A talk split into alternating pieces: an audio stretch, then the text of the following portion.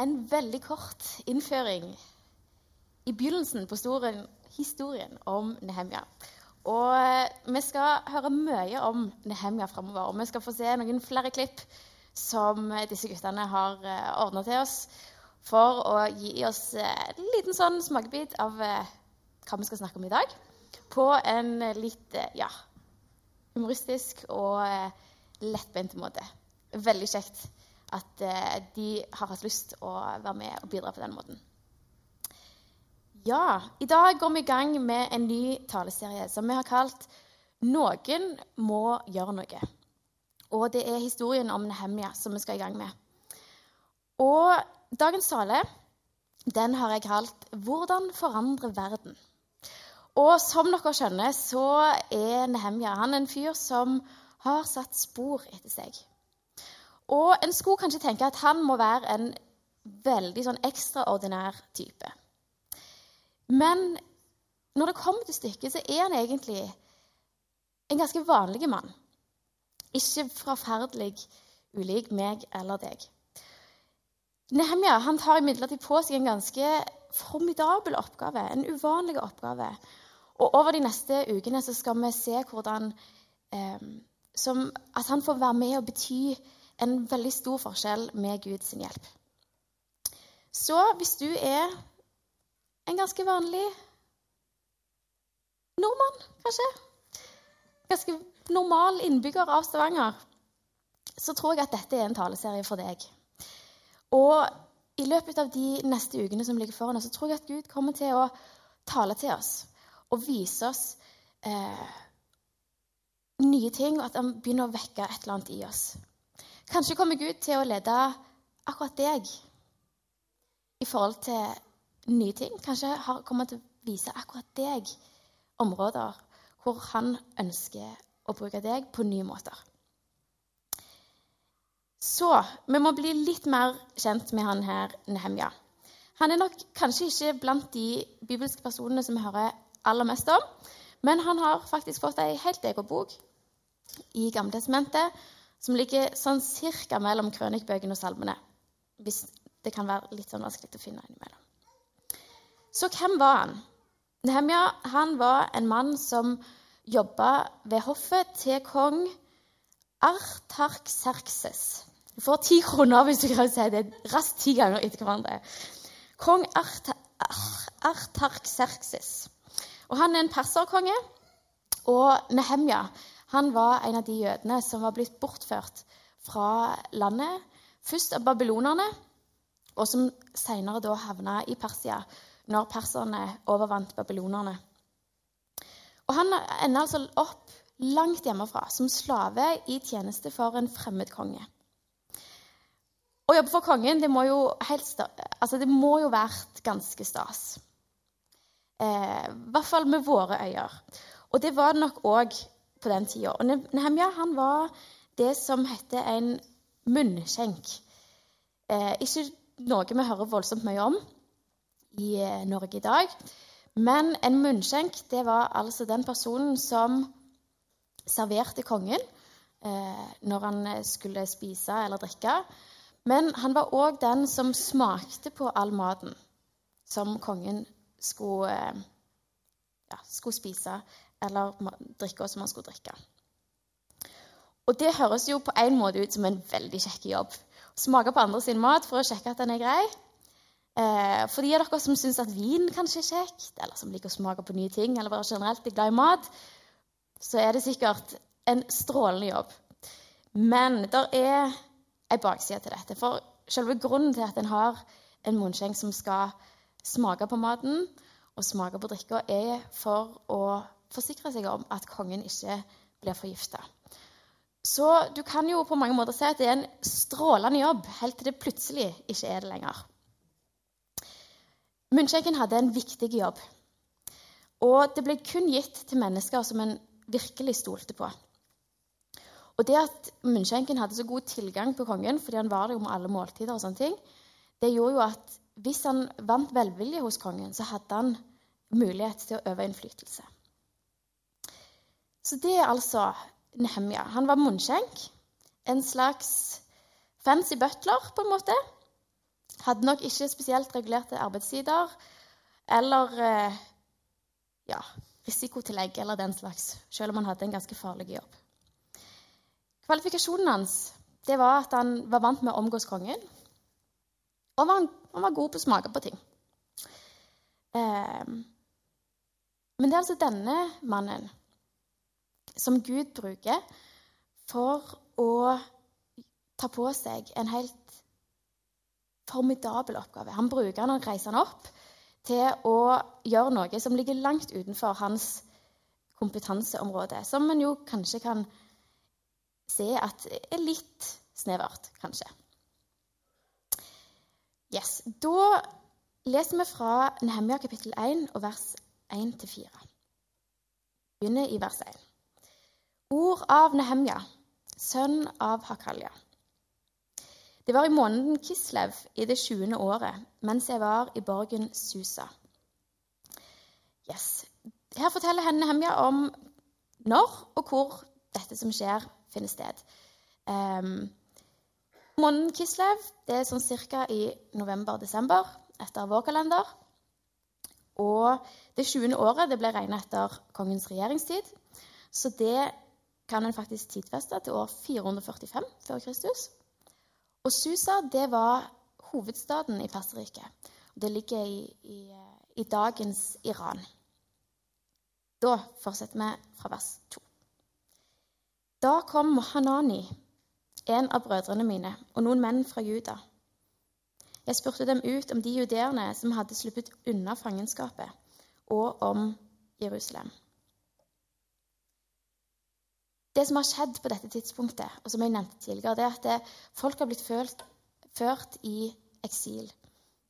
Eh, først til Babylon, og så til Persia. Og i forbindelse med at babylonerne eh, førte ut folket, så ødela de òg den hellige byen Jerusalem. Eh, når perserne overvant babylonerne, så var det en del av disse eh, bortførte fangene på mange måter, som fikk lov å vende hjem igjen. Og de vender tilbake til et Jerusalem som er ødelagt. Eh, og de begynner å prøve å bygge opp igjen byen, men han er ikke i nærheten av det som han en gang hadde vært. Og for jødene så var dette her utrolig tungt. Jerusalem sine murer hadde vært nede i 140 år. Det er fryktelig lenge. Det er mange generasjoner. Og folket begynte å lure på om, om Gud hadde forlatt dem.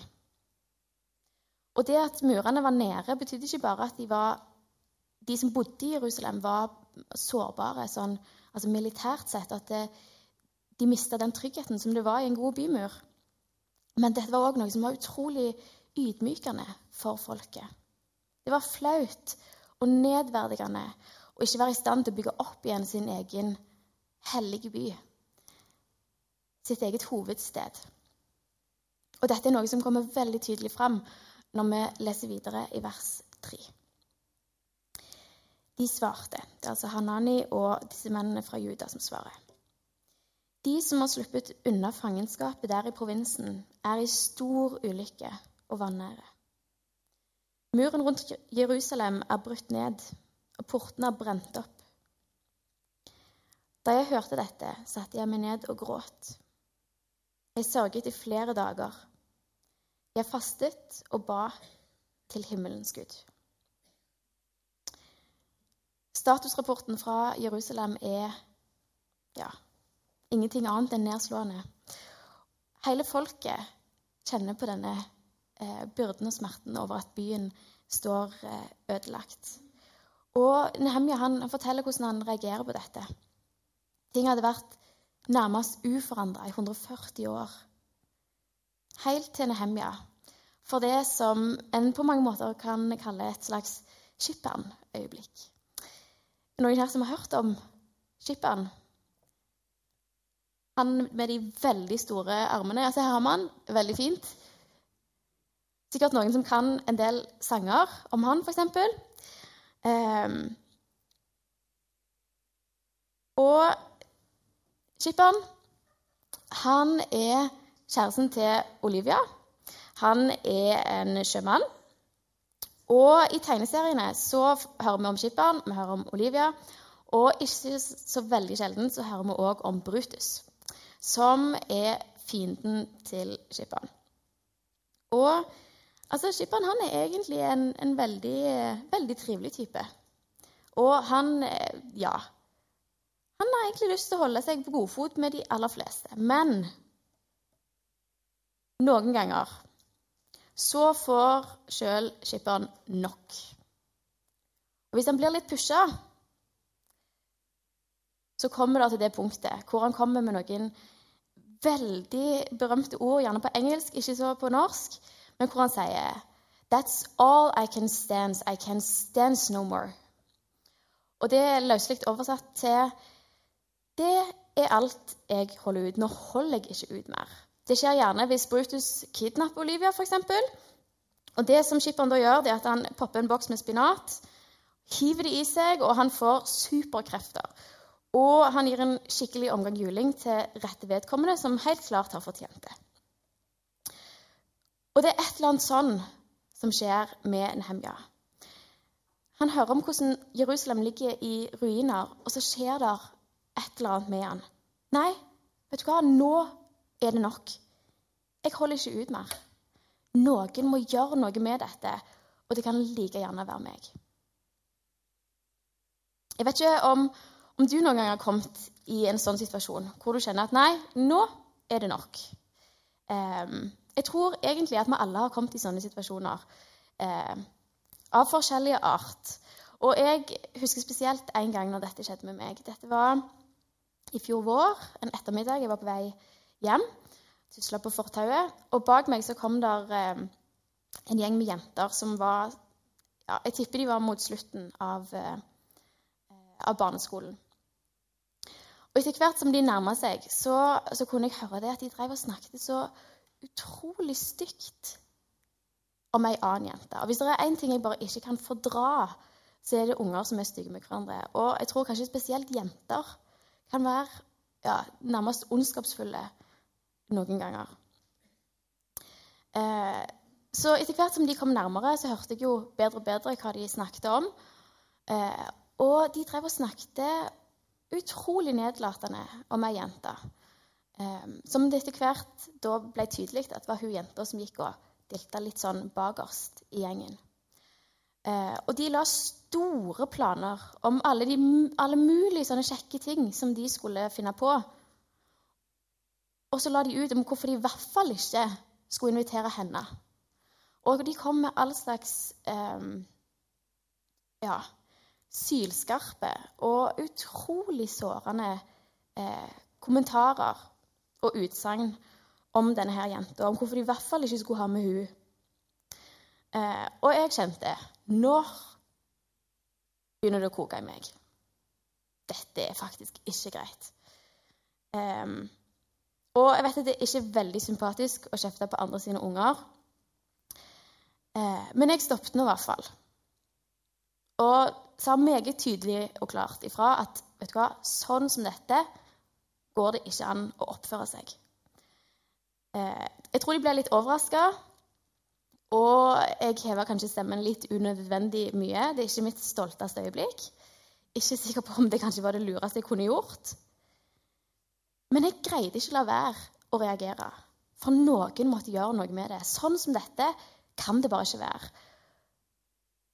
Og den gangen var det jeg som endte opp med å gjøre noe med det. Og innimellom så kommer det sånne episoder hvor en tenker nei, dette er ikke greit. Jeg kan ikke bare se på dette og så ikke gjøre noe. Det kommer noen ganger de tingene som bare ryster oss langt inn i ryggmargen som gjør en bare reagerer så langt inn i oss som det går, og tenker nei, noen må gjøre noe med dette, og det kan like gjerne være meg. Og jeg tror at det er en av de måtene som Gud bruker for å åpne øynene våre for de tingene i verden som ikke er etter hans hjerte, Sånn at vi med Guds hjelp kan gjøre noe med det. Nehemia han, han er i en sånn situasjon. Han får et sånt skipperen-øyeblikk, som vi kan kalle det. Nei, nå er det nok. Jeg må gjøre et eller annet med det. Han får et innblikk i hva som var Guds hensikt og vilje for Jerusalem. Og så sier det på en måte bare klikk. Og med det som skjer med Nehemia, så ender han opp med å være den som Gud bruker til å gjøre helt fantastiske ting. Han bruker han til å bygge opp igjen myren rundt Jerusalem. Og Nehemia han hadde nok ikke peiling på murer. Men han hadde fått taket på et eller annet. Og han bruker den stillingen og den innflytelsen som han hadde, for å bety en forskjell. Og ved Guds hjelp så bygger Nehemja opp muren på 52 dager. En jobb som sånn menneskelig sett skulle tatt årevis. Gud ser etter mennesker som vil være med og bety en forskjell i dag òg. Mennesker som vil være med og forandre verden. Og I dag skal vi se på tre ting som kjennetegner de menneskene. Vanlige mennesker som Gud bruker for å utrette uvanlige ting. For det første Gud bruker de som setter seg ned for å gråte. Vi hørte om Nehemia at han, han satte seg ned og gråt. Han sørga og han fasta i, i, flere dager. Og han får en Det høres ut som en følelsesmessig overveldende reaksjon på det han hører om. Det er kanskje ikke så ulikt det som skjer med Jesus når han kommer inn til Jerusalem mot slutten av det som vi leser om i evangeliene. Og han ser at folk i Jerusalem virrer rundt uten leder, at de ikke har noen som tar vare på dem. Han griner. Um, og, og, det språket som er brukt her i Bibelen, antyder at det er ikke noe sånn her Å, dette var trist, og liksom tørke litt tårer. Men det er liksom skikkelig grining. Altså snott og tårer, sånn som unger griner. Han måtte sette seg ned, for han greide ikke å stå. Og det som er spesielt, er at han griner jo egentlig ikke for seg sjøl. For han hadde det nok egentlig ganske greit hos kongen. Spiser med kongens bord, lever i et slott, langt, langt, langt vekke. Susa, der han befant seg, det var 160 mil, og enda mer enn det òg, kanskje, fra Jerusalem. Det er fryktelig langt hvis en ikke har moderne transportmidler. Det hadde vært veldig enkelt for Nehemia å ikke ta dette inn over seg. Bare tenkt at å, men det var fælt å høre. Ja, jeg får passe på å be litt for dem, og så kan jeg kanskje sende litt penger, eller Ja, dette var fælt. Jeg er utrolig flink til å gjøre akkurat det.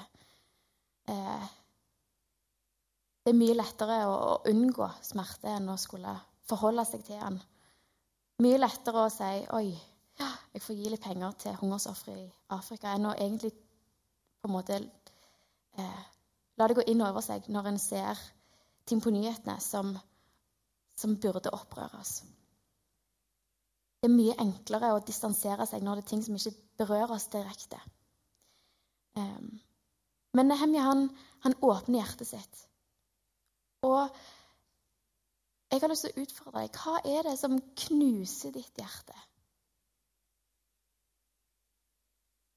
Hva ting er det Gud har lagt på ditt hjerte?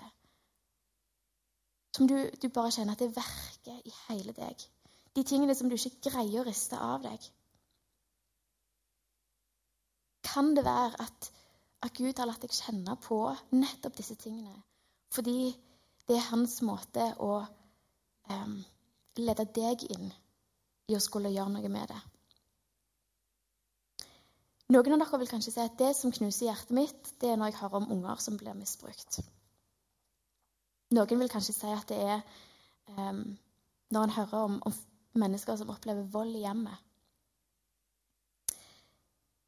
Andre vil kanskje trekke fram menneskehandel eller den skeive distribusjonen av mat som det er i verden i dag, som gjør at mennesker sulter når det egentlig er nok. Kanskje det er noen av dere som bare verker når dere eh, hører om alle ekteskapene som går i stykker. Og dere bare skjønner ikke hvorfor det ikke er noen som ikke gjør noe med dette. Hvorfor er det ingen som gjør noe med den ene jenta i fjerde klasse som, som aldri kom i bursdagene? Hvorfor er det ingen som gjør noe med den naboen som sitter hjemme alene kveld etter kveld etter kveld? etter kveld? Er det ingen andre som skjønner at dette er viktig? Er det ingen andre enn meg som bryr, bryr seg?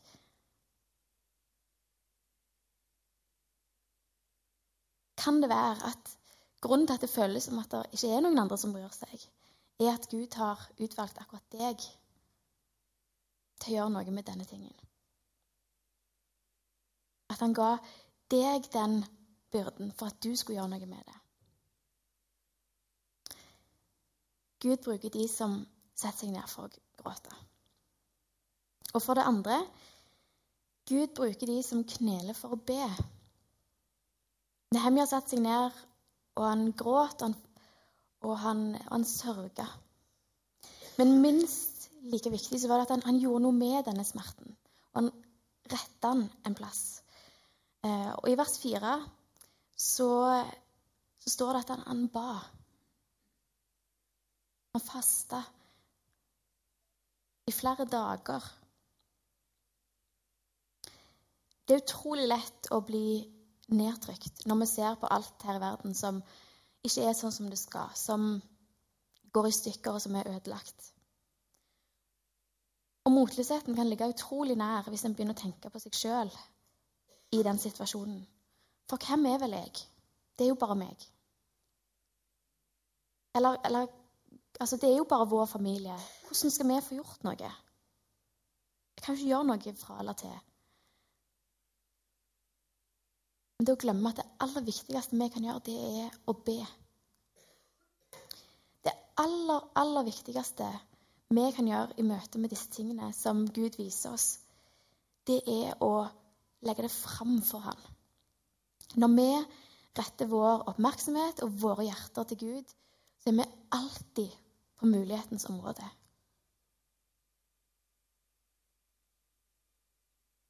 Og det som vi skal se etter hvert i historien om Nehemja, det at han gjorde Altså, han utretta ingenting på egen hånd. Men alt det han holdt på med, det var å bade i bønn. Faktisk nesten hele resten av kapittel 1 en eneste lang bønn. Når Jehemna Nehemja søkte Gud og fulgte hans plan, eh, så tok den gjenreisningen som skulle tatt årevis, 52 dager. Det er ingenting annet enn et mirakel. Fordi det umulige blir mulig når Gud er den som får eh, sette agenda, når han er den som får lede, og når han er den som får eh, være den som bidrar med styrken. Gud bruker de som kneler for å be. Og for det tredje Gud bruker de som reiser seg for å handle. Nehemja søker Gud i bønn.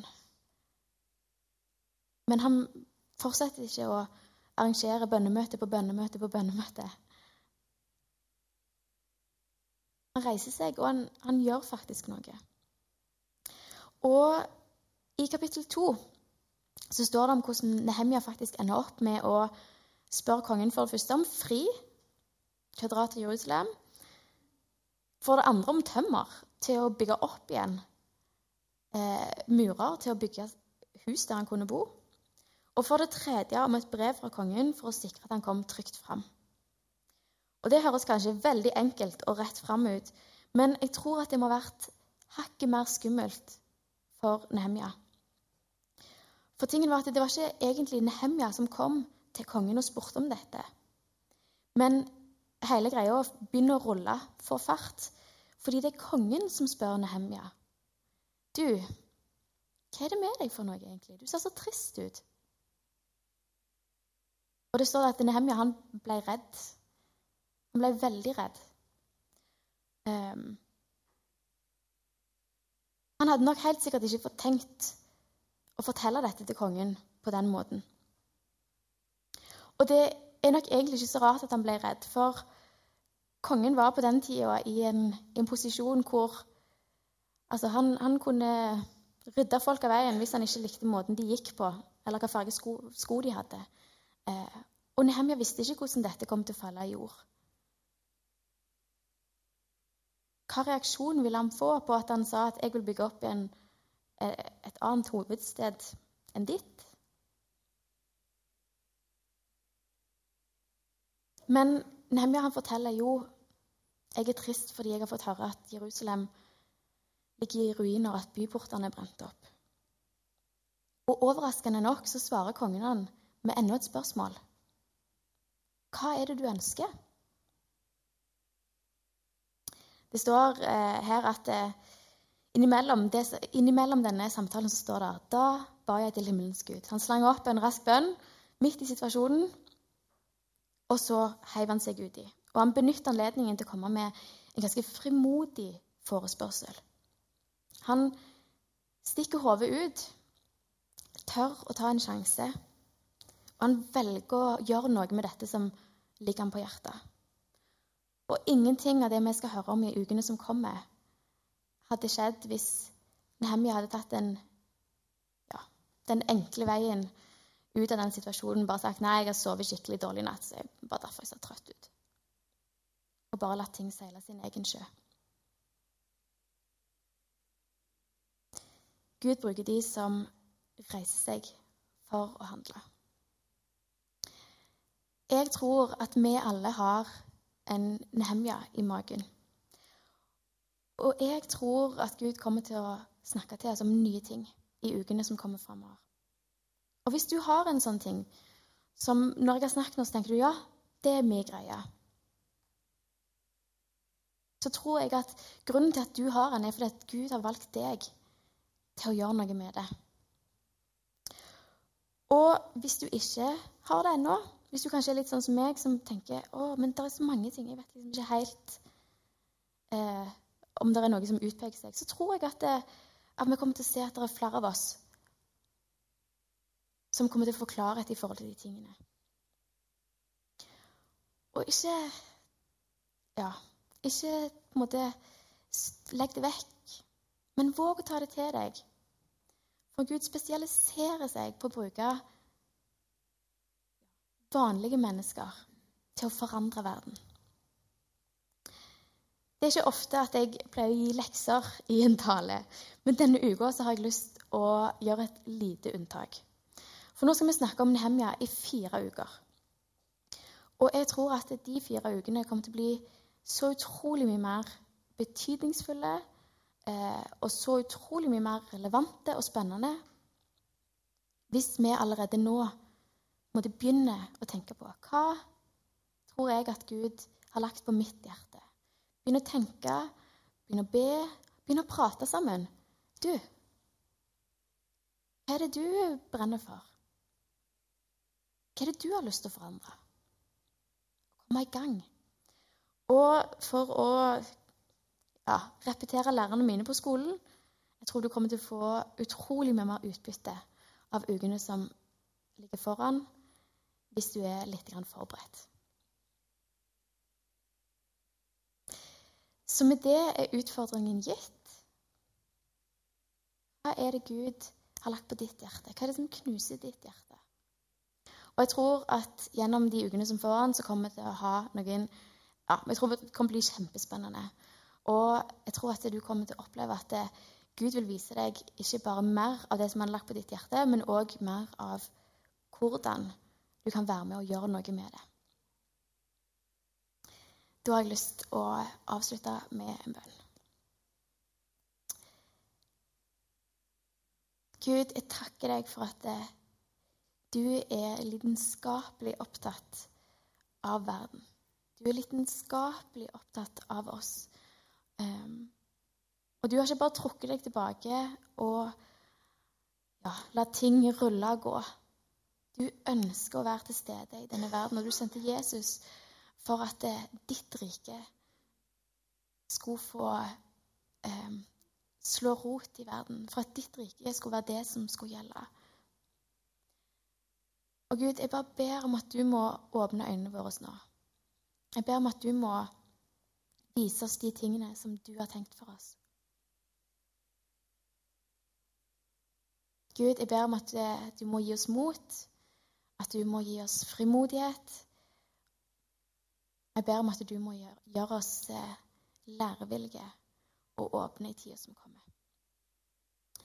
Amen. Yes. Eh, nå skal vi